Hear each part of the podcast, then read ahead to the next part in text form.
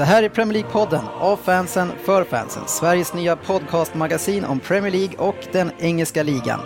Agendan för detta tionde avsnitt är som följer. Vi kör en presentation av dagens gäst i studion, Per Svensson. Sen kör vi Arsenal special och där vi kör Vem vet minst? Där Andy möter Jörgen. Jörgen vann ju senast utan att svara rätt, vill jag minnas. Sen så kör vi Dennis historia. Vi pratar om eh, årets Arsenal-inledning. Vi pratar om matchen West Brom-Arsenal. Efter det kommer vi ta en del av den Rami Shaban-intervju som vi precis genomfört.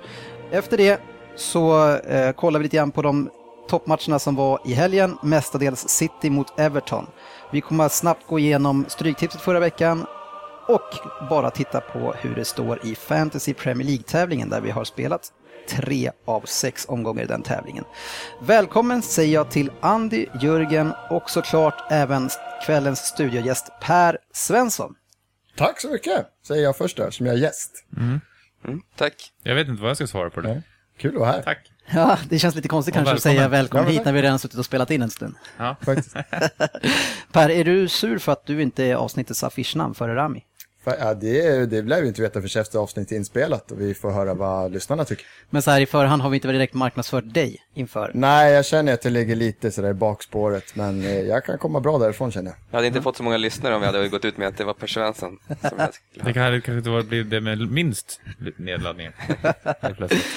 Så ni måste boosta det lite med Rami Shaban. Okej, jag kan köpa det, jag kan köpa det. Men det är kul att, att ha er alla tre här faktiskt. Eh, Och jag, jag är imponerad att Tack. ni två Everton-killarna, att ni vågar hit idag. Det tycker jag också är imponerande. Jag förstår inte vad du menar. En gång är ingen gång. Bra sagt. Ja, men Per, han är ju här idag för att representera Gunners Arsenal ära. Det var dags. Ja. Mycket skitsnack av grabbarna. Ja, du har Så- nästan krävt att få vara med efter de senaste avsnitten. Ja, jag har krävt med. Jag har krävt en höjning på eh, snacket i alla fall. Det är dags att... kan inte bara såga ett lag som går som tåget. Och det enda Alltså, de får jag jag köper inte den här vecka. sågningen. Jag kanske sågade... Jag har sågat Aston, Aston Villa-matchen. Andy, du, du har sågat. Du har sågat hela tiden. Hur bra de än har spelat så det liksom, du har hittat någonting negativt. Så att, är det, Jörgen, håller du med? Det var dags. Ja, lite kanske. Jag, jag såg ju fortfarande Giroud, även fast han typ gjort mål i varje match. Ja, Men det är för att så han... det får vi eh, återkomma till. Det är för att jag inte gillar honom. Eh, I helgen så hade ju vår fotbollsförening i division 6, som eh, vi faktiskt alla fyra representerar, en fotbollsavslutning. Och Per, det var väldigt många som gick hårt åt dig där. Eh, Du fick ju bland annat en gåva mot att du avslutade din karriär. Det kan ju inte kännas uppmuntrande. Nej, men det, det här har ju pågått i ett par år och jag ville bara liksom tillägga att jag fick en gåva för ett förhoppning om att jag lägga av, men i, i det andra rummet sen så fick jag också ett par nya skor eh, för att jag ska fortsätta nästa år av coach. Så det är dubbla signaler. Coachen vet vad jag, vad jag, vad jag, hur viktigt det är för laget, sen att eh, ingen annan i laget tycker det, det, det är upp till dem. Jag har, Men- trä, jag har tränarens förtroende en match i år och det, det gick bra. Under avslutningsmiddagen så fortsatte ju den här mindre trevliga behandlingen och Jörgen som var mobbens kanske frontman, han eh, skyllde ju många av lagets problem på dig och gjorde en, en eh, viss liknelse med plommon, Jörgen. Kan du berätta? Ja, nej, jag sa väl en lite mindre eh, snäll sak där om att om man har 15 plommon i en skål och ett av de där plommorna är mögliga så plockar man ju bort det plommonet. För annars blir ju alla andra mögliga. Och ja, Per tog åt sig. På ett positivt sätt. Jag tycker det är skönt att jag har sån stark påverkan på laget fortfarande efter alla dessa år. Jag, jag, känner, jag ser det som något positivt. Jag, Men, men känner du dig mobbad av dina medspelare? Nej, jag känner, jag, jag känner att det är en sorts hatkärlek. Jag känner att laget behöver mig. Det är därför jag fortsätter. Och du kommer inte alltså sluta då? Trots Eh, gåvan? jag, jag tror jag ska börja, jag ska, jag fortsätter nog på övertid. Ja, Helt rätt. Härligt. Andy, du eh, är ju lagkapten i Rosersberg. Hur agerar du i det här läget? Stöttar du mobben eller är du spelaren? Jag kan nog vara lite både och, faktiskt. I det just det här pers- personfallet, eller? Ja, i flera fall. Men just Per är ju som sagt, han är ju en, en, den där lilla hatkärleken. Speciellt nu när han har kommit med, han har ju börjat köra sina pausfinter på, på träningarna. Börjat? Ja, han kanske alltid har kört dem. Men nu helt plötsligt så börjar alla gå på dem också. Ja, men nu Och det är inte bara funkar en pausfint, han gör oftast minst fyra på raken, varav alla alltså, men jag, har gått, försvinner det minst en på varje paus. jag har ju gått över, jag hade ju en fint förut som hette Peta spring, men eftersom jag inte kan springa längre Nej, så har jag. övergått till pausfinten nu. Det är den jag har. Peta du kan göra det med båda. Du kan göra det med båda fötterna, det är faktiskt ganska imponerande för Ja, är Ja, Jörgen, som det inte var nog där, eh, så gick du på eh, ännu mer eh, på kvällen och släppte en tes om vänsterfotade spelare som både jag och Per är. Kan du dra den för oss? Ja, nu börjar det bli lite grumligt här. En, en, viss risk för vänsterfotade spelare, att, eller en större risk för vänsterfotade spelare att, att ha down syndrom. Ja, Oj! oj, men den måste jag stå för också. Eh, gäller det Baines också då eller? nej, det kan ha varit Kan du eh, förklara alkoholen som talade där. Jag kan ha varit kanske lite för drivande liksom i frågan. Hataffär. Men tror du verkligen att man eller föds vänsterfotad? Eller är det någonting man utvecklas under tiden? Och då, för då, kanske, då hänger inte det där riktigt ihop det här med... Ja, men det är ju någonting. Det är, det är inte många som är vänsterfotade, såklart att det är ju en eh, liten missbildning. eh, det tror jag. Jag tycker att det var, det var lite hetsk stämning i alla fall. Ja, det är sån Det är en jargong vi har. intressant diskussion. Men tillbaka till dig nu då Per. Arsenal gissar jag ju är den näst största supportergruppen i Sverige efter Liverpool, kanske jämt med United. Hur, eh, hur blev du Arsenal-fan? Ja men det är väl som alla, jag har hört era samtal här förut. Det började väl en gång när man går på, spelade fotboll nere på vallen, man delades in olika lag. Så var det säkert man hamnade i Arsenal där någon gång när man var 7, 8, 9. Men sen är det svårt att säga att man börjar hålla på ett lag då, speciellt ett brittiskt lag när man är så liten. Jag tror det kom senare. Det är väl när man kommer upp någonstans i mellanstadiet som man kan säga att man börjar heja och börjar följ- följa ett lag lite mer. Men det var liksom en annan tid. Man kunde inte surfa så mycket och gå in och kolla online. Utan det var liksom lite stryktipset och man fick kolla på sporten någon gång ibland om man var pigg. Och det var den vägen det började. Vad är, när, när du är ung, vilket är de starkaste minnena du har? Alltså från...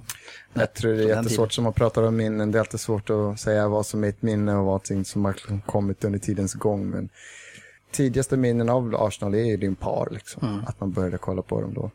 Och sen att man fick höra av äldre och vi andra som kanske följde dem mer att, det att de fick lite tråkstämpel. Det tyckte jag var lite roligt. Ja, på den Man- tiden var det väldigt mycket engelsmän. Så Det var, det var, det var Taylor och så, var, och så var det no- 1-0, 1-0. Eh, men det är riktigt kul att du är här Per, även fast du inte är Rami Shaban. Så det ska bli kul att ha dig här och som sagt, idag så ska du verkligen få eh, tala för Arsenals ära. Ja, det är dags. Ja. Eh, och vi har ju ett Arsenal special den här veckan. I våra specialer går vi direkt in i våra tävlingar som heter Vem vet minst?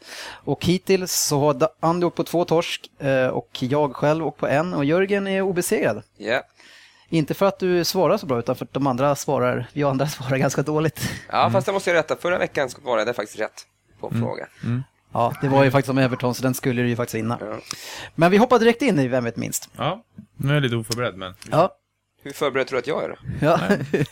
det brukar komma lite senare i programmet så att jag har varit lite chockad. Du har ja du, mentalt kunnat ladda, är det det Det är lite Ja. snabbare ryck här nu. Ja, då kör vi. Fråga 1. Arsène Wenger har varit hos Arsenal sedan 1996 och han har tagit 11 titlar med det här laget. Han har tränat Nancy och Monaco i franska ligan, men hade ett mellanstopp i detta land innan han tog över Arsenal. Och Per, du får inte svara som sagt är med jag räckte upp handen bara. Ja. Eh, var det 1. Japan? Var det 2. Mexiko? Eller var det 3. Australien? Ande, Ja, Japan. det är rätt. En liten kuriosa var att jag var i Nagoya i somras. Tack. Och det var just i Nagoya Prix 8 han spelade. Hans Så staty det- står kvar där utanför. Grymt. Fråga två. Thierry Henry är en av vår tids stora, om inte den största, Arsenal-legendaren med 175 mål på 254 matcher och har mängder av lag och individuella titlar. Vilket lag kom han från? Ande, Okej. Juventus. Alternativen är 1. Juventus 2. Monaco 3. Valencia. Vad säger du Jörgen? Nej, alltså han gick... Ja, kanske. Ja, men då, säger, alltså, då var ju det fel alltså, för då säger jag Monaco. Nej, jag ska ju bara kolla om du kunde. Det är Juventus. Grattis André. Jävlar, vad är det där för skit? Jävlas lite. Det. Ja, jag trodde själv att han kom från Monaco, men han gjorde ett litet stopp i Juventus. Han var ganska dålig där förut. Ja, väldigt dåligt. Därför kom han billigt till Ja, väldigt billigt. Ja, Jögga, den här måste du hugga. Eh, fråga tre. Sverige har två spelare som uppnått något av legendstatus i Arsenal. Fredrik Ljungberg och Anders Limpar. En annan spelare som kom till laget efter VM-succén 1994 gick det inte lika bra för. Han lämnade redan efter ett år och gick till Fiorentina. Andy, Jörgen. Stefan Schwarz. Det Ja, är det var rätt. mitt. Du måste vara snabbare Jörgen. Ja. Vi kommer att ta de sista måndag, frågorna det är därför han är lite seg. Du har chans till en 5-0-seger nu, Andy. Mm. Fråga 4. 2006 lämnade Arsenal gamla arenan Highbury och klev in på The Emirates Stadium. Flygbolaget Emirates har rättigheterna till namnet till 2028. Arenan är Englands fjärde största och tar cirka 60 000 åskådare. Nämn två av de tre arenorna som är större. I England då eller? Ja, Jag kan. Nice. Jag kan en varje fall. Shit. ja, men jag kan chansa. En är ju Etihad Stadium. fel. Är det så? Per, kör. Ja, då skulle jag säga nya Wembley. Ja, Och sen skulle jag säga Old Trafford. det är rätt. Ja, shit. Kan du även eh, den eh, tredje? Uh, oh. så kommer du få ett pris på 10 000 kronor. Oj, oj, oj. Ja, men vad sa han? Sa du på Engelska öarna? Ja, precis. Ja, då fan sen. Cardiff där. Vad heter den? Det är Twickenham Stadium, en rugbyarena som tar Shit. 82 Ja, 000. den hade jag inte. Cardiff tog för övrigt 27 000. Men då är det ändå en rugbyarena. Okej. 3-1 då? Si- Okej, fråga fem. Vilken spelare har inte representerat både Arsenal och Tottenham? Jag kommer att räkna upp fyra. Är det Adebayor? Är det Sol Campbell? Är det William Gallas? Eller är det David Bentley? Jörgen, Ja, vad sa du sista? Bentley. David Bentley. Ja, det är klart det är han. Andu? Det känns som att alla, alla fyra har representerat. Det är rätt svar. Alla har Ja, men representerat vad båda klubbarna. Det här är Ditt ansikte. Ja, fast det där vet jag inte. Vilka vet du? Bentley. Nej, men alltså det där är, så kan man inte säga. Tydligen kan man det, har som ditt Andy enda rätt plockade det. att jag gissade på Etihad Stadium. Så att, jag vet inte. Ja, det var en bra, riktig överkörning Andy. Ja, tack. Jag, jag redeemed myself. Ja, så nu. Jörgen har fått en torsk också. Det var jobbigt. Och då kommer vi in till min återkommande punkt. Dennis historia. Och den här gången tänkte vi ska titta på en person som är väldigt populär hos oss. Welcome to England, you fucking Swede. De fina orden fick Anders Limpar höra av den mycket sympatiska Paul Gascoigne när han sparkades ner bryskt i sin tredje match med Arsenal. Anders Limpar kom till Arsenal 1990 och då var ju inte ligan alls så attraktiv för utländska spelare som den är nu. Och det var, det var väldigt få som inte kom i det laget, som inte kom från de brittiska öarna. Och därför var det även svårare att bli accepterad som utländsk och svensk. Men hans karriär i England började med en supersuccé och gjorde extremt mycket mål. För det var han också som sällan gjorde mycket mål. Men fick då även smeknamnet The Super Swede. Han spelade nästan bara med engelska landslagsmän och bakom sig hade han Nigel Winterburn. Ett smeknamn som även Per fått eller kanske tagit. Ja, det är någonstans mitt emellan. Det var faktiskt inte jag som så här, yttrade det, utan, men jag, jag snappade det. Jag snappade det. Det är Vilka- en fin vänsterback. Vilka likheter ser du själv med Nigel? Vilka likheter? Ja. Ja, extremt otekniska. Eh, kämpar mycket. Det, det, Såg det var väldigt det gammal ut i ung ålder, känns det som. Så där har vi en till lik- liknelse. Ja, det vet jag inte om jag håller med om ändå. Du försöker, Nigel eller? Oh, nej. men Jörgen, känner du att du har dåligt samvete för de här grejerna som var i Ja. början nu? Du måste vara snäll här. ja, det passar, det klär inte dig Jörgen. Så. Okej. Eh, han gjorde mål från halvplanscirkeln, alla Beckham, fast han var ju först. Han blev ligamästare redan första året och vann då Arsenal-supporternas hjärtan både i Sverige och England. Han fick Guldbollen även detta år. Utöver det så vann han även FA-cupen med Arsenal och spelade 96 matcher och gjorde 17 mål. Och det gör ju han till en av de mest framgångsrika svenskarna i den engelska ligan.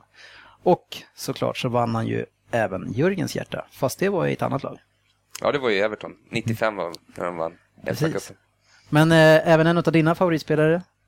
Per? Ja, men återigen så var han ju, han, han spelade i en tid då man inte själv såg så mycket fotboll, utan man är mest sett efterhand då. Men lite grann såg man ju, men han, eh, han kom in som sagt i, till ett lag som var mest engelsmän som spelade en annan typ av fotboll. Han bröt ju verkligen mönstret.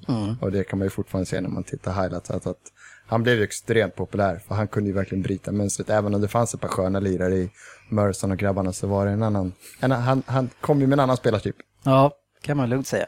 Ja, men det blev en kort liten hyllning till Anders Limpar i dennes historia den här gången och lite hans karriär. Vi ska prata om årets Arsenal och inledning. Tidigare i, i våra special så har vi gått bakåt ganska mycket. Men eh, jag tänkte att vi ska försöka hålla oss till det som är i år. För i, i år är det ju ändå en skillnad till om man ser bakåt några år här nu när Arsenal i stort sett prenumererat på tredje fjärde platsen eh, och eh, tagit sig ut i alla fall i, i eh, Champions League. Och om vi tittar då inför året så kändes det som att Wenger var utskälld hela sommaren för sina misslyckade transferaffärer som även låg till grund från de misslyckade förra året där han har gått ut att nu ska vi värva stort och sen i slutet på fönstret så har det varit några panikvärvningar för att bredda truppen och ingen av dem har fått spela i stort sett någonting. Kanske Giroud då som ska spela, men eh, det förändras ju allt på sista dagen det här året. Per. Ja, jag, ska, jag är inte sen att säga att jag också var den så att händer, händer, gör han fan ingenting rätt i år då, då kan han gå med tanke på hur hur nära det, vi, liksom, vi har ju knipt den här fjärdeplatsen precis nu. Mm. Vi har ju varit på halmstrå flera gånger och den är ju så jäkla viktig den där mm. fjärdeplatsen, mm. att få den minst. Så jag var inte heller snäll mot Wenger. Jag höll med dem. Skulle också kunna suttit där med en skylt att nu räcker det liksom. Avgå. Ja.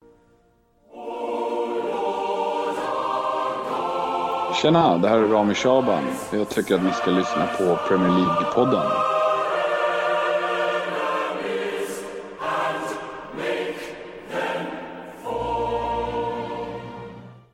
Och sen lyckades jag landa den här, ja det är nästan på att kalla det panikvärvning också, för det här, han har ju gått ut med att vi scoutat, men det här har ju kommit att han blev erbjuden Özil. Alltså det var ju liksom inget som, det här låg ju inte i april-maj att de började, den där Özil är ganska bra, honom kan vi scouta ifall vi Nej. vill ha honom. Nej, han behövs inte scoutas. Nej, så att jag tror inte det var den som han var ute efter, men det blev ju en extremt lyckad värvning. Ja, den har ju vänt hela säsongen. Helt plötsligt så tittar man på ett Arsenal-mittfält som kan leverera match på match fast de har egentligen ett lika bra mittfält skadat. Mm. Så de ser otroligt starka ut på mittfältet. Ja, vi var ju, vi var väl, även om Özil är en fantastisk spelare så var vi ändå ganska kritiska till att man la så mycket pengar på just den spelartypen för att det kändes som att man hade alternativen. Och man mer behövde kanske en defensiv mittfältare och en forward av rang. Mm. Och det, det trots att han var då en, en, spelare som man absolut inte behövde så visar det sig nu att han var ju precis den spelaren de behövde. För han har ju höjt hela laget. Ja, men så är det väl alla, alla, alla, alla andra storklubbar som tar in en sån värvning, en sån som Real Madrid, Barcelona, de tar ju in, siktar in sig på en riktigt stor. Mm. Och det är väl för att man vet att ja, resten av truppen är bra. Ska vi ta in något så ska vi ta in något som höjer hela truppen, som gör att sen spelare som går rakt in. Och det är mm. det vad alla fans till Arsenal har krävt i flera år. Att ta inte in massa sådana här eh, små talanger, franska spelare som kan bli något. Mm. Vilket han har visat sig gjort många gånger som varit extremt bra. Men det var, det var ingen som visste vem Vira var nästan innan. Det var ingen som visste vem Henri var innan. Och flera sådana här spelare. Så han har ju lyckats med sådana här värvningar flera, flera gånger. Men mm. nu behövde vi verkligen den här en rakt in stjärnspelare, en, en stjärnspelare i hela Premier League. Mm. Och det fick vi verkligen. Och i och med den värvningen så har ju Ramsey höjt sig. Flera av de här andra spelarna som har stått på så här, han ska bli något, har ju höjt sig otroligt. Mm. Absolut. Eh, vi har ju tidigare pratat väldigt mycket om, vi tycker att ni, att ni saknar en forward av rang. Eh, ni har ju Bentner nu och Giroud. Kanske Walcott, vad säger du Per om eh, och framförallt kanske Giroud och, och, den behandlingen som han har fått här i podden. Ja, nej, det har varit otroliga kapningar av Giroud och jag vill inte senare säga att han är ingen, han är ingen, han är ingen forward du vinner ligan med. Du kan inte spela Giroud, han kommer inte göra de här 20-25 målen tror jag fortfarande. Men sen tycker jag han har fått lite väl mycket skit, för det var ändå, nu är det hans andra år. Det är nu egentligen han ska börja leverera. Det är, inte, man kan inte, det är ytterst få spelare som kommer in och levererar första året direkt i Premier League. Det gör nästan ingen. Mm. Och som forward i ett sånt här lag så tror jag det är väldigt svårt att liksom hitta sin plats, hitta, hitta stilen, vart han, hur han ska komma in i laget. Och det har han ju gjort nu. Och jag tror han har blivit, det han gör mer i år, att han ska inte ha så mycket boll. Han ska inte ha boll utanför straffområdet, för han är inte så bra spelare. Och hade han blivit bättre på är att kanske ta en enkel, ta en första touch, lägg tillbaka och sen så hitta ytan på första stolpen. Alltså när vi får ut den på våra, vi har ju så otroligt bra kantspelare och många centrala mittfältare som kan slå stickare och han, han kommer nästan alltid på första stolpen och det är där han har gjort många mål också. Han löper fina bågar och så går han på första stolpen och då gör han mål. Mm. Och han kommer fortsätta göra mål.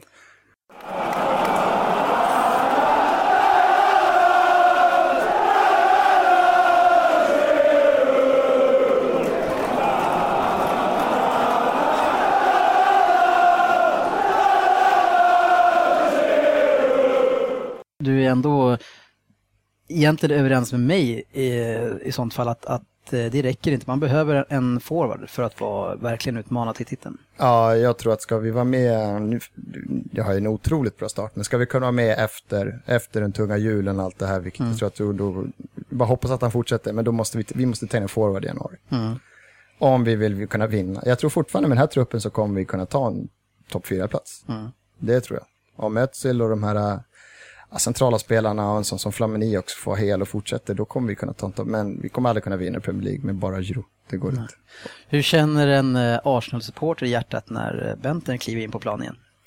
Ja, jag vet inte vad man ska säga om Conte. Alltså, ja, jag tycker, ja, någonstans är det så här, det är kul. Det är kul att Wenger ändå spelar honom. Alltså det är roligt på något sätt. Att han ändå ger någon förtroende, men alltså, jag kan fortfarande inte se att han är en Arsenal-spelare. Det går inte. Alltså det är, jag är jättesvårt att se honom på plan. Snacka om att kasta in honom bara för att det är brist på anfallare. Så. Jo, Men... men brist på anfallare, han vet att han måste vila Giroud någonstans. Så han märker att han, han kan inte spela honom i 90 minuter hela tiden. Och vi har väl inte samma, samma lyx som många andra storkulvar som kan ställa, ställa in kanske en falsk nia och lyfta upp någon annan. För det finns liksom ingen annan när Walcott är skadad och Podolski är småskadad och de här som kan. Utan då det sitter vi där med Bentner. Så. Det är bättre att lia Bentner när en match är klar och man ändå inte går för en seger eller skamfälla. Då är det bättre att slänga in honom än att skada Giroud. men om Giroud går sönder, Då ser det tungt ut. då står ni där med, med dansken som enda alternativ. Ja men, ja, men sen har vi Podolski kan spela där och Walcott bevisade ju innan kontraktskrivningen förra året att han kan spela där, men så fort han skrev på igen så blev man utkastad på kanten. Men han kan ju spela, men det blir ett helt annat spel. Giroud är en stor tung, han tar emot bollen, han trycker ner en backlinje och han löper starkt mot första stolpen. Så att det är en annan spelstil att ha Walcott där uppe. Jag tycker det är skönt det där med Walcott att inför kontraktskrivningen så helt plötsligt fick han spela centralt och han fick ta varenda hörna och varenda frispark. Nu i år han får spela högerkanten och Özil kommer att ta alla hörnor och frisparkar. Men om han är nöjd Ja, med se- vi får se när Walcott kommer tillbaka. Det är mycket möjligt att han ändå står där och slår alla hörnor och grejer, vilket jag inte, jag kan, kan inte se det riktigt. Men han har ju tagit det, han fortsätter ju göra det. Han springer på sin kant. Ja, precis. Men han, han har inte gjort det bra med hörnor och frisparkar. Han är jättedålig precision. Ja, det är som sagt, det känns som det finns flera i det laget som har bättre precision än vad han har. Jag vet inte hur han hamnade där riktigt. Nej, han kanske, han kanske är mindre i vägen än vad han är i straffområdet. Wow. Fråga vad händer, vad skulle hända om Özil blir skadad? Ja, det är jättesvårt Det känns som han... att nu har ju alla höjts upp på grund av honom. Och liksom all, allt går ju via honom, mer eller mindre. Ja, och det man ser, det finns ju, vi har Jack Wilshere som kan spela egentligen den rollen, men han Det känns som att det kommer bli en ganska stark reaktion om han blir skadad. Risken inom laget. Risken är det.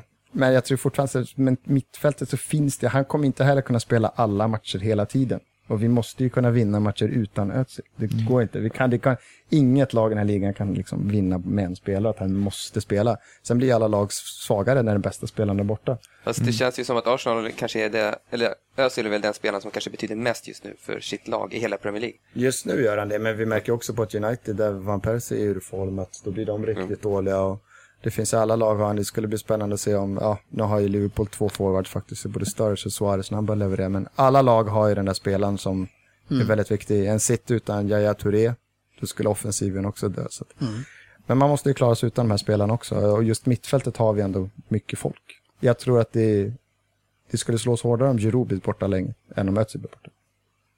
Ja, det tror jag tvärtom. Ja. Nej, jag, jag tror att eh, Bentner kan göra ungefär samma jobb De nästan. målen som Giroud har gjort, det är, han gör det ju bra, men det är ju mer, han springer rakt fram och sen kommer bollen lite grann på hans fot. Ja, ja, men han gör ändå, du ska ändå vara jag där. tror att Bentner skulle kunna Ja. göra det också. Ja, men han, Ja, hittar, han hittar ytan bra. Han det, hittar- det, kan man, han- det kan vi ja. absolut ge en. Eh, Han har kommit in bra nu. Ja, han är inte lika mycket i vägen. Han ska inte ner och hämta så mycket boll som han trodde att han skulle göra. Utan han ska vara i straffområdet. Och det gör han. Där är han bra.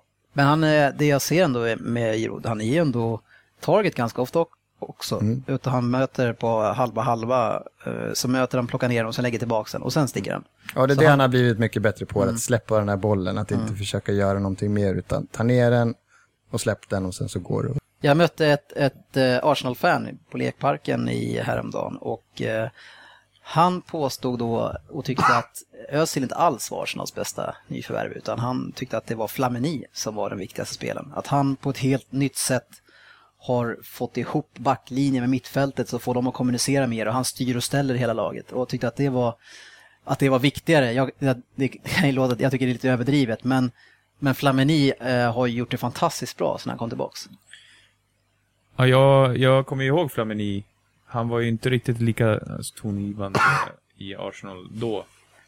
Eh, när de var som bäst. Innan han gick till, till Milan som är, som är mitt lag. Och i Milan har han ju absolut inte varit...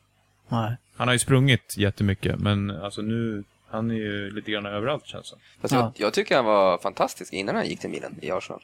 Ja, fast han var, ju- han var inte samma tongivande. Nej, men han är inte den som Nej, ska vara tongivande. Men nu är Fast han det ju andra- nästan tongivande. Ja, det fanns ju andra spelare som gjorde hans jobb, ungefär Gilberto och sådana som också han konkurrerade med. Ja, det var ju så Fick mycket han större inte- namn. Ja, Precis. så han fick inte och han syntes inte lika mycket. Men han kommer väl i det- tillbaka med mycket rutin nu och liksom... Ja, men i det här Arsenal han kommer till så fyller han en sån otrolig roll. För nu- förut har vi haft Aaron Ramsey som ska göra något så dubbeljobb och han, har, han är en grym tvåvägsspelare men nu får han vara en tvåvägsspelare på ett annat sätt när han vill ha Flamini som är en perfekt städgumma och baklickare. Han gör ett sjukt bra jobb. Och det är bara att titta, han har tagit en varning per match tror jag han har spelat. Och ingen av de varningarna är sån här, vad fan gör du varning, utan han tar bra varningar. men alltså han, han städar där. Varningarna han tar är oftast egentligen någon annans varning. För det är någon som tappar bollen idiotiskt, att han måste lägga en tackling. Men han han är inte bara städare utan han är väl ändå den som sätter igång många anfall. Man ser att, att mittbackarna eh, går isär som man ofta gör och det är han som kommer ner och hämtar den vid straffområdet och sen så drar igång spelet. Det är Flamini. Så han är ju, som vi sa innan, det var ju en helt annan uppställning då när han var som bäst och det fanns ju väldigt många bra namn på mitten då. Nu har man ju verkligen saknat den här typen. Eh, även om jag kanske tycker att Wilshire borde vara mer längre bak i planen och hämta boll. Men eh, han har, ju, han, kan, ju- han har ju spelat med Wenger i många år, så det för han var det egentligen bara att komma in och köra. Det, det betyder ju också väldigt mycket. Det är inte så att han behöver ha några omgångar för att komma igång, utan det är nästan snarare att han kan berätta för de andra, så här lirar vi i Arsenal. Jag tror han bara tycker det är skitkul. Mm. Ja, men det ser man nästan på honom också. Och just att han efter att ha varit borta och kommer in egentligen i ett nyförvärv så kan han verkligen styra och ställa. Och det var en sån spelartyp vi behövde. Så kan man tycka vad man vill om Jack Wilshere, men han, han, han kommer nog kunna sjunka neråt i planen när han blir lite äldre för rutin. Men nu vill han fortfarande, det är lite sån där, uh, han borrar ner i huvudet och vill göra sina löpningar och han har låg tyngdpunkt. Och det kan man inte göra när man ska spela den rollen. Det Flamini har gjort är att han sjunker ner lite och, och släpper upp bollen till Jack Wilshere så han får starta mer på offensiv planhalva. Och ja, Jack Wilshere borde egentligen passa med den här rollen. Nu är han lite mer utslängd till kanten, för det är fullt i mitten, han får spela lite kant och det trivs han inte riktigt med och det syntes ju i helgen också. Och i helgen hade jag bytt ut honom efter 45 minuter om jag hade fått välja, men det, det var ju tur att man inte fick det. Serieledare efter sju omgångar, det var inte många som hade tippat det. Nej, inte efter Innan. första matchen. Nej, inte överhuvudtaget tror jag. Nej. Det var väl egentligen bara, ja, United är alltid med, men det var i och för sig många som har tippat om 3-4, men, men City och Chelsea som, var, som bar på det favoritskapet. Jo, men så är det. Jag hade inte heller trott att de skulle gå så här bra. Just med tanke på att vi kanske inte, innan man visste inte vad man hade Flamini och sen så Özil kom in sent, men att vi blev sittande där med bara Giroud så hade man inte trott det här.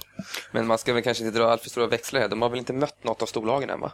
Nej, Tottenham har man men det är inget Ja, storlag. Så att- nej. nej, Nej. än så länge. Inte efter den här helgen i alla fall. Men det är en, spä- en spännande inledning. Men om vi ser att ni behöver en, eh, en ny forward, hur brukar det se ut i januarifönstret för, för Arsenal? Brukar det handlas någonting då? Ja, de har gjort ett par. Eh, han smög in Reyes där för ett par år sedan som faktiskt var hyfsad när han kom. Och vi har ju den lilla ryssen, kom väl också in under ett januarifönster. Så han har ju smält till ibland. Han har ju gjort det förut. Och nu har det varit mycket snack och nu var det första gången som, det har ju varit snack om, en, Wenger har ju själv aldrig sagt att nu, nu kommer jag gå ut och köpa en 500 miljoners kille. Däremot så har ju Gatsidis, eller vad han heter, den här ryssen som har köpt in sig mer och mer, eller vad han är. De som sitter på pengarna har ju sagt i tre, fyra år, han har 70 miljoner pund att köpa för, men han vill inte. Nej. Och då är det en helt annan sak. Men nu har jag gått ut och sagt, och han har ju gått ut och sagt, nu var det ju, de ville ju ha Ba, men det följer lite på att de fick Özil, för det blev ju Mourinho orolig och såg den som en kandidat. Så att Ba var ju på väg, han var nära Arsenal, han ville dit. Och... Men Ba hade ju inte varit spelaren ni behöver för att vinna. Det vinner inte heller någon liga. Ja, men med de två tillsammans. För som man såg Ba i helgen så var han ju riktigt bra. Och han har, han har en spelstil som jag tror skulle funkat.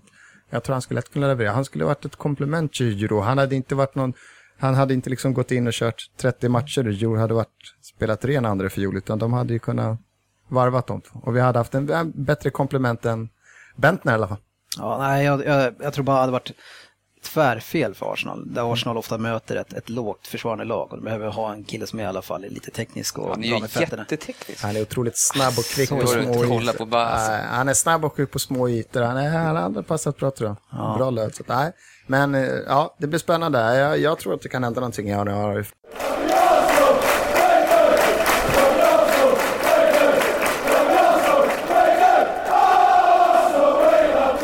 Helgens match då, för att kolla det senaste med Arsenal och eh, där man mötte West Brom borta som hade slagit United på bortaplan och eh, kände som att de var på hugget. Så det här på förhand kändes det som en ganska svår match. Om vi börjar med West Brom då så tycker jag att eh, ganska bra lag, roligt att kolla på. Mm. Positiv överraskning i år. Ja, alltså nu i alla fall. De, har ju, de började ju bedrövligt, men nu när de har fått igång så märker man att de har en hel del klassspelare. Sessignon. Ja, det är din favoritspelare. Jo, men de har ju faktiskt kommit igång. När han, han spelade ju inte de tre första omgångarna, va? Men Han kom ju i Och sista sen minuten. kom I han sista. eh, för tre Han matcher var sedan. Amalfitano. Sen är det sjukt att man ser dem som positiv överraskning. För fram till jul förra året var väl de också så här. De låg väl topp 6 eller någonting fram hade till jul förra året Lukaku. också. De hade ju ingen, de hade ju Anelka, men han var ju inte riktigt i, kändes inte som. Ja, nu i helgen. Ja, Överhuvudtaget så väl han inte. han missade ju. Men han hade ju tre, Sju han hade kunnat gjort 2-0 och då hade ju matchen varit nästan Ja. stängd också. Så det var ju, Det hade han gjort mål för tre Ro- år sedan. Rosenberg hade. Men det som jag imponeras mest av det är deras yttrar som känns så jäkla pigga och rappa. Båda två. Amalfitano. Amalfitano. Ja, precis. Och sen så har de den andra vänster som jag fortfarande inte vet vad han är. Någonting med B. B Beraninho. ja, något konstigt sådär. Han Berahino. till Ser också-. Ja, det kan han faktiskt vara. Inte han Eh, gjorde mål mot United? Jo, väl han? han tryckte också in den. Ja, De gjorde ett varsitt. han har väl kommit in nu eh, på grund av sk- skada på annan. Han är ju inte ordinarie. Det är väl här, är inte det solskenshistorien? Mamma och pappa ja, flyttade från- hit från Burundi. Burundi och han skulle utvisas och tio år började spela fotboll och spelat i alla landslag väl. Ja. Mm. Och fått chansen nu och gjort det riktigt bra. Ja, han ser riktigt vass ut tycker jag. Och sen eh, Jonas Olsson verkar vara tillbaka i sin brunkiga Premier League-form. Krigar och sliter, gör lite misstag här och var, men... Eh, ja, det gör han verkligen. Han Men- ser så men, eh, sjukt stelbent ut när han Ja. spelar. Alltså man ser att Mertesacker är stel och segervänningen. Nej, Men han Jonas Olsson faktiskt- spelar fotboll. Det är faktiskt i Nej, sjukt vad han ser Jag seg tycker det ser annorlunda ut i han- hela hans eh, uppsyn han- Hans i landslaget och i kontra West Bromwich. I West Bromwich är han ju riktigt skön tycker jag. Han är så här eh, pondus och liksom står och knuffar på alla motspelare, vet, står och gafflar lite med dem.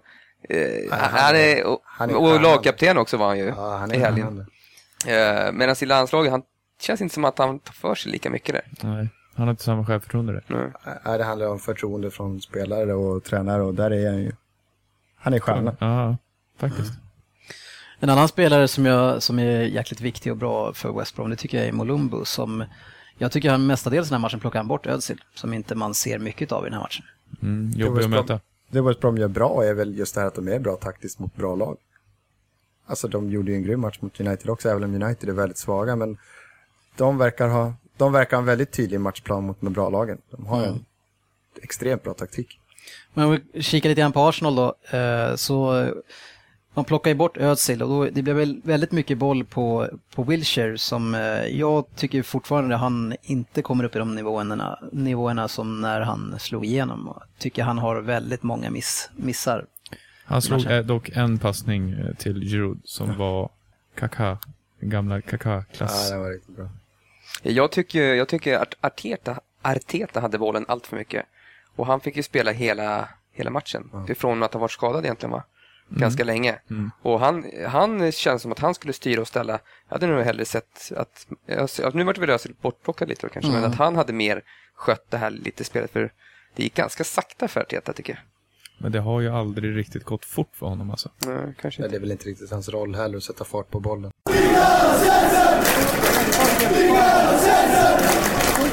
Jag kan tycka att en spelare som, som jag alltid har gillat i Arsenal, eh, Thomas Ro- Rosicki, han och Özil, de hittar inte varandra överhuvudtaget. Han, har, eh, han ser ut som att han har världens sämsta självförtroende nu när han kommer in.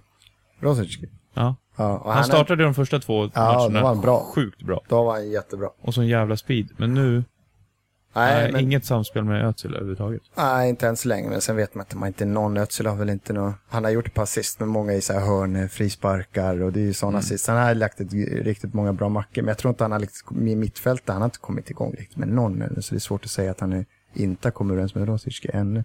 Sen är Rosicki han, han är den som hamnar lite i överflödets. Mm, för Han han, är ju kommer- mer offensivt. Ja, liksom. han, han kommer inte bli en dem, för de måste spela Özil, de kommer aldrig ta bort Ramsey, de kommer aldrig ta bort Wilshere, Nej. de kommer aldrig ta bort Walcott. Tyvärr. Och då blir det Rosicki som, som får puttas åt sidan. Han kommer nog, jag tror han är, han är någon som varit där nästan längst snart tror jag. Och han har nog riktigt hjärta, han kommer nog stanna. Och jag tror att det är en, jag tror Wenger vet det, så han kommer få en liten sån där. Kanske utlåning till Everton. Men eh, annars är årets utropstecken än så länge, trots en dålig match, den här matchen, är Rambo Ramsey som har varit sjukt bra. Ja, Han såg jävligt seg ut i matchen. ja han var inte Han alls sig betydligt lik. också. Nej. Men han kan ju inte en sån form som han har varit. Nej. Man kan man inte kräva av en sån kille varje match heller. Som har, Det känns som att han nästan har överpresterat. Så det, alltså är han verkligen så otroligt jäkla bra att förvandlas från en bra spelare till kanske bästa mittfältaren i världen under Ja, men det var väl någonstans där vi, det var här man trodde när han gick från Cardiff, som var han 18 eller någonting när det blev klart.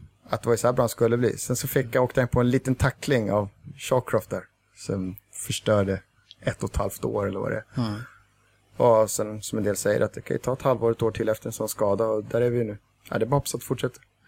När det väl blev mål så, så var det ju Özil såklart som låg bakom det, eh, det mesta där. Eh, och det är Wilshire som vi kritiserar en del som, som trycker in den via stelbenta Jonas Olsson som ser inte ut som att han reagerar att den tog på foten förrän den är inne i mål. Det slutar 1-1 eh, och efteråt så såg det ut som att Arsenal-spelarna var väldigt nöjda med det. Såg väldigt glada ut. Ja, jag tror det känns som båda lagen var lite halvnöjda, men de som var mest nöjda var ju, ju Arsenal. De andra lagen. Ja, precis. Tror jag. De andra lagen, nej men eh, Arsenal ska vara riktigt nöjda. Jag tror, alltså ta en poäng borta mot West Brom. Kollar man i slutet på säsongen så är det inte så jättemånga lag som kommer kanske komma ifrån med en poäng där. Speciellt inte topplagen tror jag. Nej. För West Brom är bra mot topplagen. Som en del av eh, Arsenal special den här veckan så har vi då intervjuat Rami Shaban. Och en del av den intervjun kommer ni nu få höra.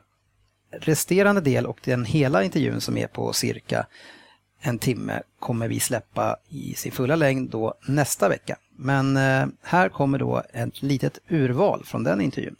Hur, eh, om man ska se, eh, det här är ju i ett yrke, hur ser en vanlig arbetsdag ut som proffs i Arsenal? Ja, den var väldigt lugn. Det var, ja, men det, det, alltså, det var ju, vi, vi, vi tränade 11 på dagen. Och vi samlades en halvtimme innan, skulle, eller samlades, vi skulle vara på träningsanläggningen en halvtimme innan. Men vi skulle vara ute på träningsplan 11, så tränade vi en timme och en kvart kanske. Och sen var vi klara. För dagen? var, ja, för dagen. Så det var, ja, det var jäkligt lugnt. Det var, men- grejen är ju också att det spelas ju enormt mycket mer matcher där än vad det gör i Sverige till exempel. Ja. Så där har du aldrig så här, "Ja, nästa söndag har vi match, då kan vi köra skiten ur grabbarna. Ja, typ måndag, tisdag. Ja. Ja. Men det här var då under pågående säsong. Jag tänker på försäsongen är det väl ganska mycket. Försäsongen var också lugn. Alltså första försäsongen var ju, då var det Confederation Cup. Det var ju när han, eh, det år när han dog, vad hette han, för, vad hette han? Ja, Mark det. Vivian Foe. Ja, just det. Och det var ju, jag glömmer heller aldrig, för han var, tränaren sa det, alla ska ha minst fyra veckors semester. Och jag kommer ihåg att Frankrike gick till final den Confederation Cup. Och den spelades sista juni. Och vår, vi mötte United i Charity Shield, kommer jag ihåg. Premiären för Premier League var 16 augusti, kommer jag ihåg. Och helgen innan går ju Charity Shield, men nu heter det inte det längre va? Det heter någonting annat. Det community. Nej. Ja, kanske. Ja, just det. Community Shield heter det nu va? Och den spelas ju helgen innan. Och då kom fransmännen, kom vid månadsskiftet juli-augusti tillbaks från semestern. De hade alltså en veckas försäsong. Åh, jäklar. Vi kanske ska ta det med våran eh, division 6-tränare som drar Ja, ut oss, han drar ut oss det. direkt efter julafton. Ja, precis. Och sen så är det ja, fyra månader i Det är spåret. sån hybris i Sverige så det är helt sjukt. Typ. Ja. men du vet, det ska tränas och tränas och tränas. Och där kom då de in, det var väl fem, var det fyra? Det var Henri, Vera, Pires, Viltord. Det kanske var de fyra. Jo, sen var det Gilberto också, för jag tror jag mötte dem i finalen, Brasilien, om jag inte minns helt fel. Mm. Inga dåliga Så det var fem, fem spelare tror jag. Och du vet, de hade två, tre träningar och sen var det shared shield. Det var typ som uh, genrepet uh, inför Premier League då. Och den säsongen torskade vi inte en fight sen. Ja. Nej, det är bevisat där nu, det behövs inte så mycket försäsong. Nej, exakt. Nej, men han var väldigt mån om det där att istället för att komma till premiären helt slutkörd Mm. Så är det nästan att man spelar sig i form. För det är så mycket matcher. Man kan säga att han är alltså är tvärt emot Moyes då. Ja, exakt. exakt. Nej men det är ju så. Alltså, han, han var väldigt sådär mån om. Och sen våran försäsong som inte hade då Confederation Cup. Vi, vi samlades kanske 5 juli. Och så hade vi kanske några tuffa pass. Eh, Det var inte de här långlöpningarna som man hade förut. Utan det var bara sådana här 400 meters löpningar, 100 meters löpningar. Bara sådana här korta intervaller. Och det var inte så dubbelpass. Vi hade väl några dubbelpass kan jag minnas. Men det var inte alls som eh, i Sverige på försäsongen att du har 10 pass i veckan eller 12 pass i veckan. Det, det var väldigt få pass. Eh, Krökades det mycket under försäsongen också? Nej, jag, jag tycker faktiskt att alla kom tillbaks väldigt bra. Det var inte det här brittiska som man har fått att eh, folk kommer överviktiga. För det var inte så många britter i vårt gäng. Nej, just det. Nej. Det var ju Ashley Cole och Sol Campbell och Ray Parler ungefär. Men ingen, alltså, det var... Men fanns det några regler för det då, eller?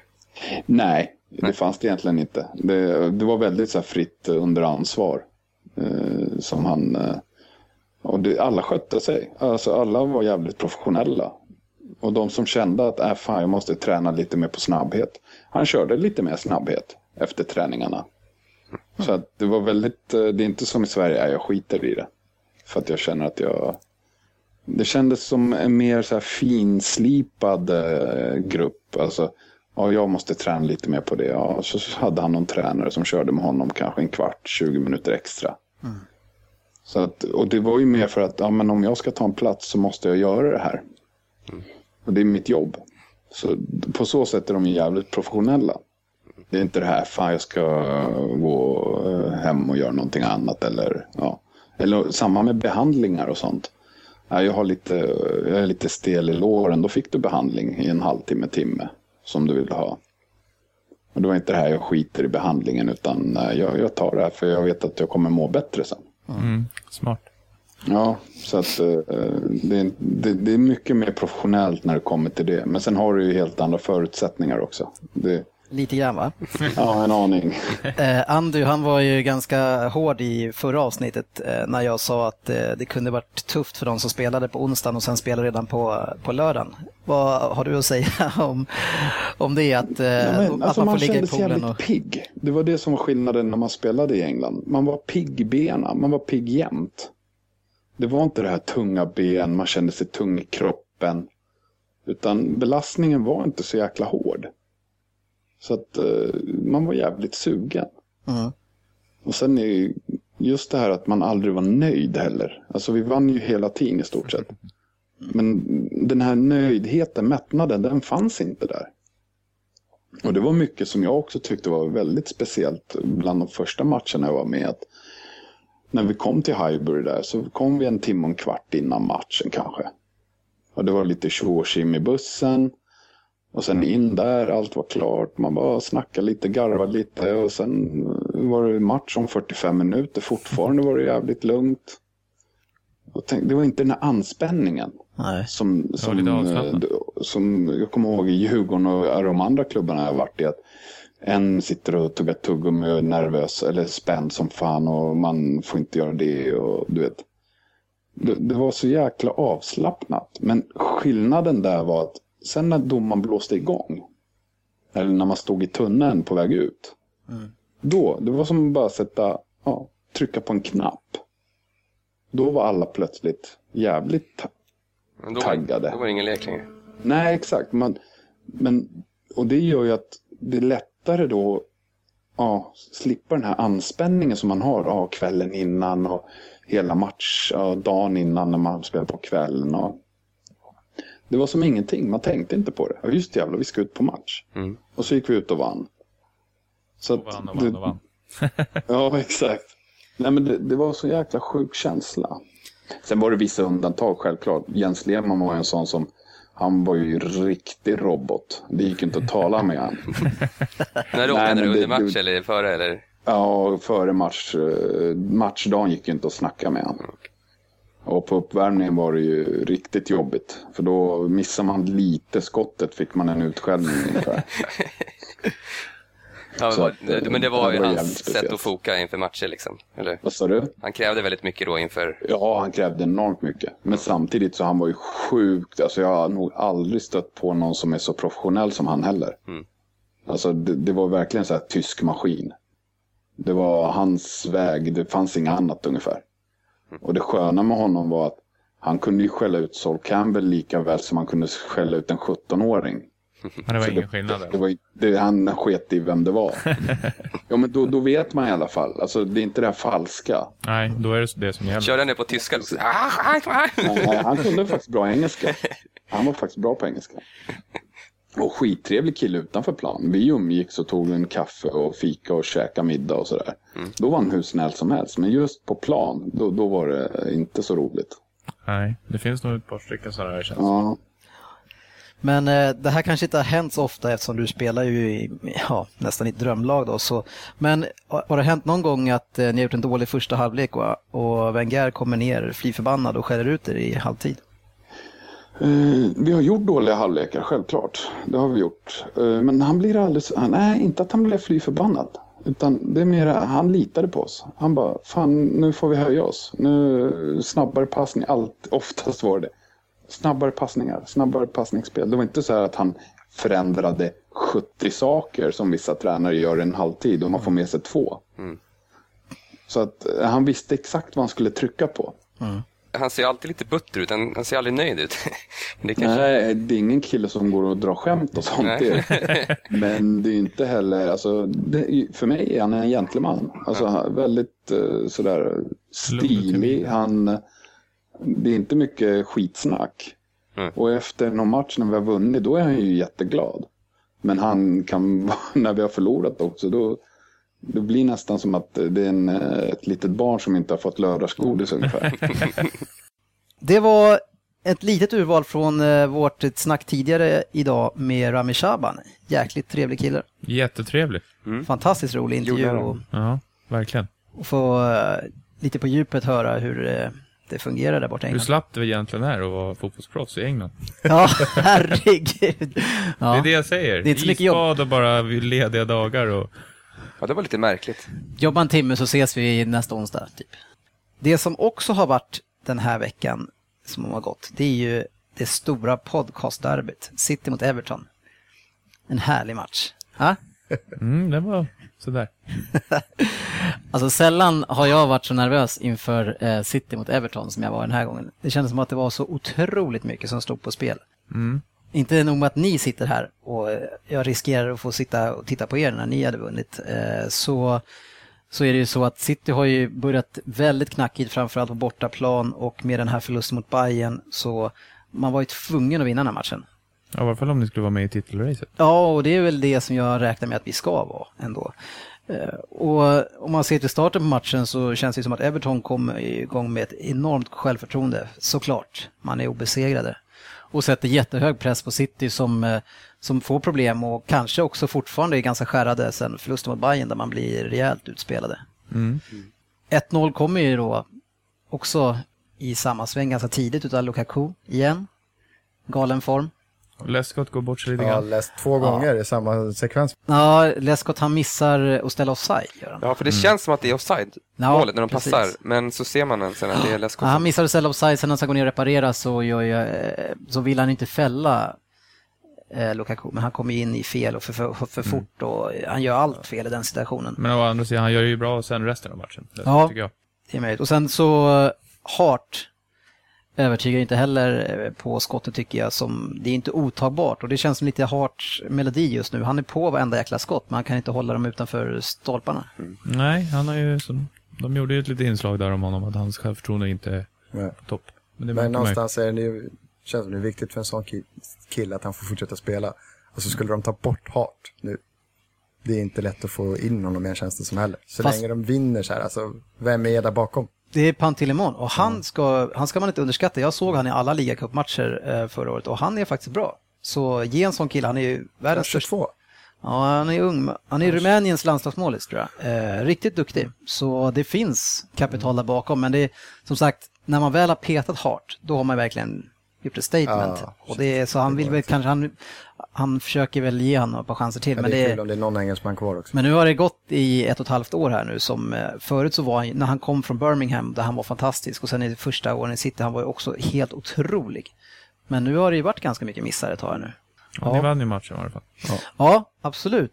Eh, jag, jag såg inte Lukakus målgest den här gången, men jag såg den i alla fall mot eh, Everton. Och han gör en telefonliknande rörelse. Att, eh, är det kopplat till José eller att det finns en kille som Ring kan mig. hänga? Ring- Vi sökte en målgörare. Jag levererar. Jag är här. Ja, Undrar det funkar i England? Alltså typ i Sverige. AIK, de lånar ut Crespo. Han gör fyra för en kassa. Vi tar tillbaka honom nu. Alltså ja. hur funkar det så här? De skriver, kan man skriva in, man kan skriva in sådana klausuler i Premier League. Bara, "Nej, han går lite bra nu. jag vet att när jag spelar sådana här spel på tv-spel så kan man avbryta lån, men det kostar jävligt mycket. så det kanske går. Det stämmer. Fast Jag tycker plocka hem... tråkigt att Barry inte fick spela. Men det man kan säga om City inför den här matchen är att man plockar bort de tre jättebesvikelserna defensivt från Bayern och det är ju Clichy, Nastasic och Navas som hade ju så stora problem så det var helt löjligt och, och Navas försvarsspel det var inte av den här världen. Det var så dåligt så att det var, att han var kvar på plan så länge som han var, det var helt sjukt. Men har han någonsin behövt spela för Jag tror, han, jag tror han aldrig Alltså, har försvarat. när han kom hit i Sevilla, det var inte som att han var på egen planhalva och sprang. Nej. Everton var ju fantastiskt bra med första 30, det var en riktigt bra match. Men sen vet tusan vad, vad som händer med, ni tar ledningen och sen blir ju tyvärr för eran skull så blir det ju en väldigt snabb kvittering. Ja, jag tror att det var lite det som kanske gjorde att... Ja, mm, lite, för de, jag tyckte att det såg inte ut så att de hade samma pondus som de haft i de tidigare matcherna. Nej, jag, vet, jag försöker hoppas att, att det beror på City, men eh, det känns som det bara dog ut, energin. Ja, men det är klart, alltså City har ju, när de är i, i form så är de ju... Ja, alltså det är inte lätt att, att springa och jaga bollen som man får göra oftast mot ett lag som City som har mycket så här små kortpassningar och Mm. så ska man hela tiden anpassa sig, springa fram och tillbaka, fram och tillbaka. Till Mm. slut sen är sist, ja, man orkar inte anfalla till slut känns det som. Den här matchen förlorade vi i alla fall mot ett City som var bättre Ja. än Everton. Så att det var inte direkt någonting att snacka om. Det lär inte kunna bli så att Pellegrini kan eh, ställa över Negredo nu i alla fall. Vilken skillnad han gör för City-spel alltså, fantastisk. Ja, han har verkligen Mm. Ja, bra. övertygat. Ja, det känns som att han har tagit över lite grann det här uh, fighthjärtat som Tevez hade. Att Mm, han ja. krigar Mm. Och, och skapar ytor för de andra och gör det hela tiden jobbigt. Han Medans- måste vara extremt jobbig att möta. Ja, medan De Seco är, är ganska bekväm kanske att möta. Man vet vad han gör, man går upp och möter lite grann och försöker göra något tricks. Men den här, han går åt alla håll och jobbar för laget stenhårt.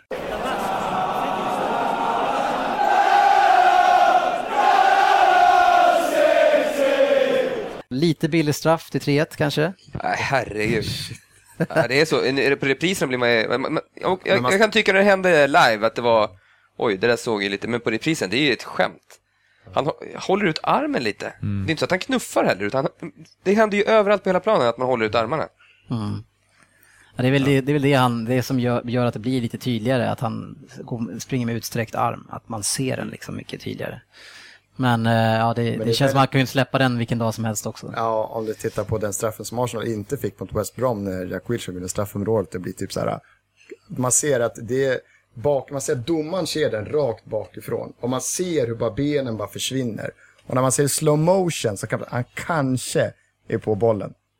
Men typ rakt bakifrån är det ju en kapning utan dess like och så blir det straff för den där lilla, en hand i brösthöjd och så försvinner benen. Det är, nej. Ja, Ja. Men eh, vi hade nog inte vänt på det där ändå tror jag. Nej, det tror jag inte heller. Det var, ni förlorade i Jag hade haft matchen. chansen i alla fall. Ja, fast ni, ni förlorade matchen eh, efter typ, när, redan när det stod 1-1. Eh, Ja, att det varit ett mål efter typ två minuter efter vi gjorde 1-0 Mm. och plus 2-1 en minut innan Mm. paus. Det var... Ja, ni var aldrig med i matchen sen. Andra halvlek var död. Eh, andra resultat den här helgen som eh, något chockerande, det är ju Tottenham som får stryk hemma mot West Ham med 3-0. Det hade vi väl ingen sett komma. Nej, speciellt Nej, inte jag som tycker fortfarande att West Ham är ju, ja, ett av de oskönaste lagen i ligan. Nu verkar man ju ha fått den här unga United-produkten som, som verkar vara ganska bra. Men Ja, det vi jag- pratade ju om eh, i Rami Shaban-intervjun om ett drömmål som Thierry Henry gör när han drar från egen planhalva genom hela laget. Han drar ju inte så många, men ett jäkla driv och sen så drar en kille i slutet och lägger in den. Det här är lite grann samma sak som han gör. Mm. Ravel Morrison, eh, aldrig hört talas om han tidigare. Vilket drömmål alltså. Nej, jag kan inte påstå att jag hade full koll på honom. Men man såg från tidigt i den matchen att han var eh, jävligt skön med bollen och bra driv. Mm. 20 år, kommer från United-akademin. Han eh, lär nog få starta nästa match. Känns som det. Känns som det. Men eh, Tottenham har jäkligt svårt att göra mål fortfarande och det är... Nu släpper man även in mål så eh, vi får väl se vad Tottenham tar vägen nu. Defoe fick starta i varje fall. Ja, han, hade, han var aktiv såg jag. Mycket chanser men eh, fick inte heller till det. Nej. Nej. Så när han kom in var eh, om möjligt ännu sämre än han var de andra matcherna. Sen har vi eh, eh, ångestmatchen från båda håll egentligen. Sunderland mötte United och Sunderland tar ledningen och United ser precis lika dåliga ut som de gör varje match. Egentligen. Så, gott, eh, så när som på en spelare egentligen som har lite energi. Innan eh, Janus, Janusaj gör sina två mål i andra halvlek så känner jag bara att herregud, hur ska Mois klara sig ur det här? Det är ju inte liksom att de förlorar utan det är hur det ser ut när de spelar fotboll. Det är så jäkla trögt. Ja, Så fort man, man tittar sig runt så just det här, men han har fått, han har fått ett femårskontrakt. Sex. Sexårskontrakt och det är liksom så här, men de ett till två dåliga år får de, har han liksom räknat in, men att de liksom ska komma så här, sexa, sjua, det kan inte accepteras. Med dåligt spel. Nej. Det är liksom också svårt att se om de fortsätter så här, det är ju riktigt, riktigt illa. Ja, men kul med 18-åriga eh, stjärnskottet som vi såg i ett inhopp för några veckor sedan. Mm, jag tyckte han gjorde ju ett inhopp där man hade knappt hade hört talas om han och gjorde lite sköna överstegsfinter och man såg ju vad han hade i sig. Men sen eh, såg jag någon match efter det. Då såg han lite lättvindig ut. Men eh, ja, nu är han ju två mål så det, han räddar ju dem. Jag såg en intervju med Ferguson efter där. Där han sa att han skulle gett den chansen mycket tidigare egentligen. Den här Janusaj. Men av vissa anledningar så vart det inte så. Men att han alltid har varit jätteduktig eh, på träningar. Eh, och eh, Han han var inte förvånad över att, att han var så här duktig.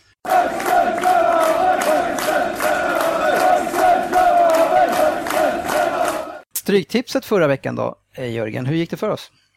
11 rätt, 23 kronor utdelning.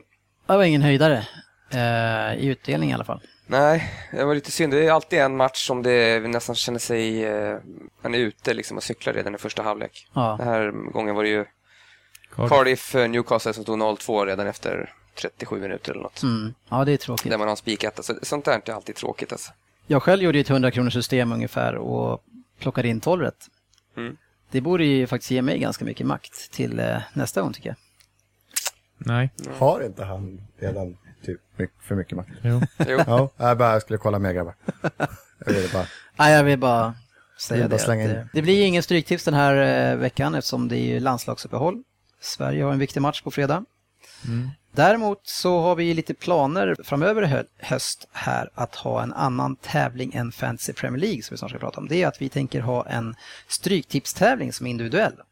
Och eh, då kommer vi få göra antingen 16-raders eller 32-raders system. Och då så ska vi se under fem veckor vem det är som är den bästa tipparen. Vi såg idag vem det är som eh, ser hetast ut just nu.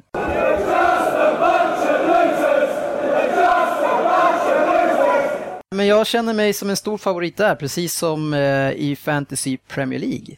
Och det är ju svårt för mig här nu att inte låta för självgod som jag kanske gör nu.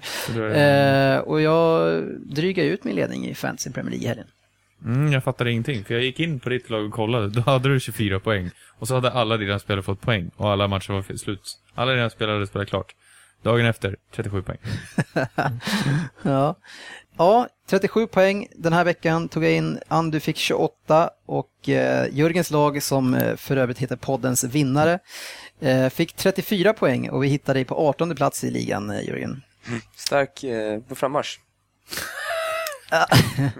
Ja, inte 18 riktigt va? ligger jag före Söderberg då eller? Jag kan inte heller gå så. Eh, ah, Nej, du ligger per som är gäst här är ännu sämre. Ja, okej, fan. Så, eh, ja, Ja, då bör, kan vi lämna det. ja. Men vad ligger jag efter dig? Typ 11 poäng? Jag har 144 poäng nu med hälften spelare och du har 131. Jörgen har 111.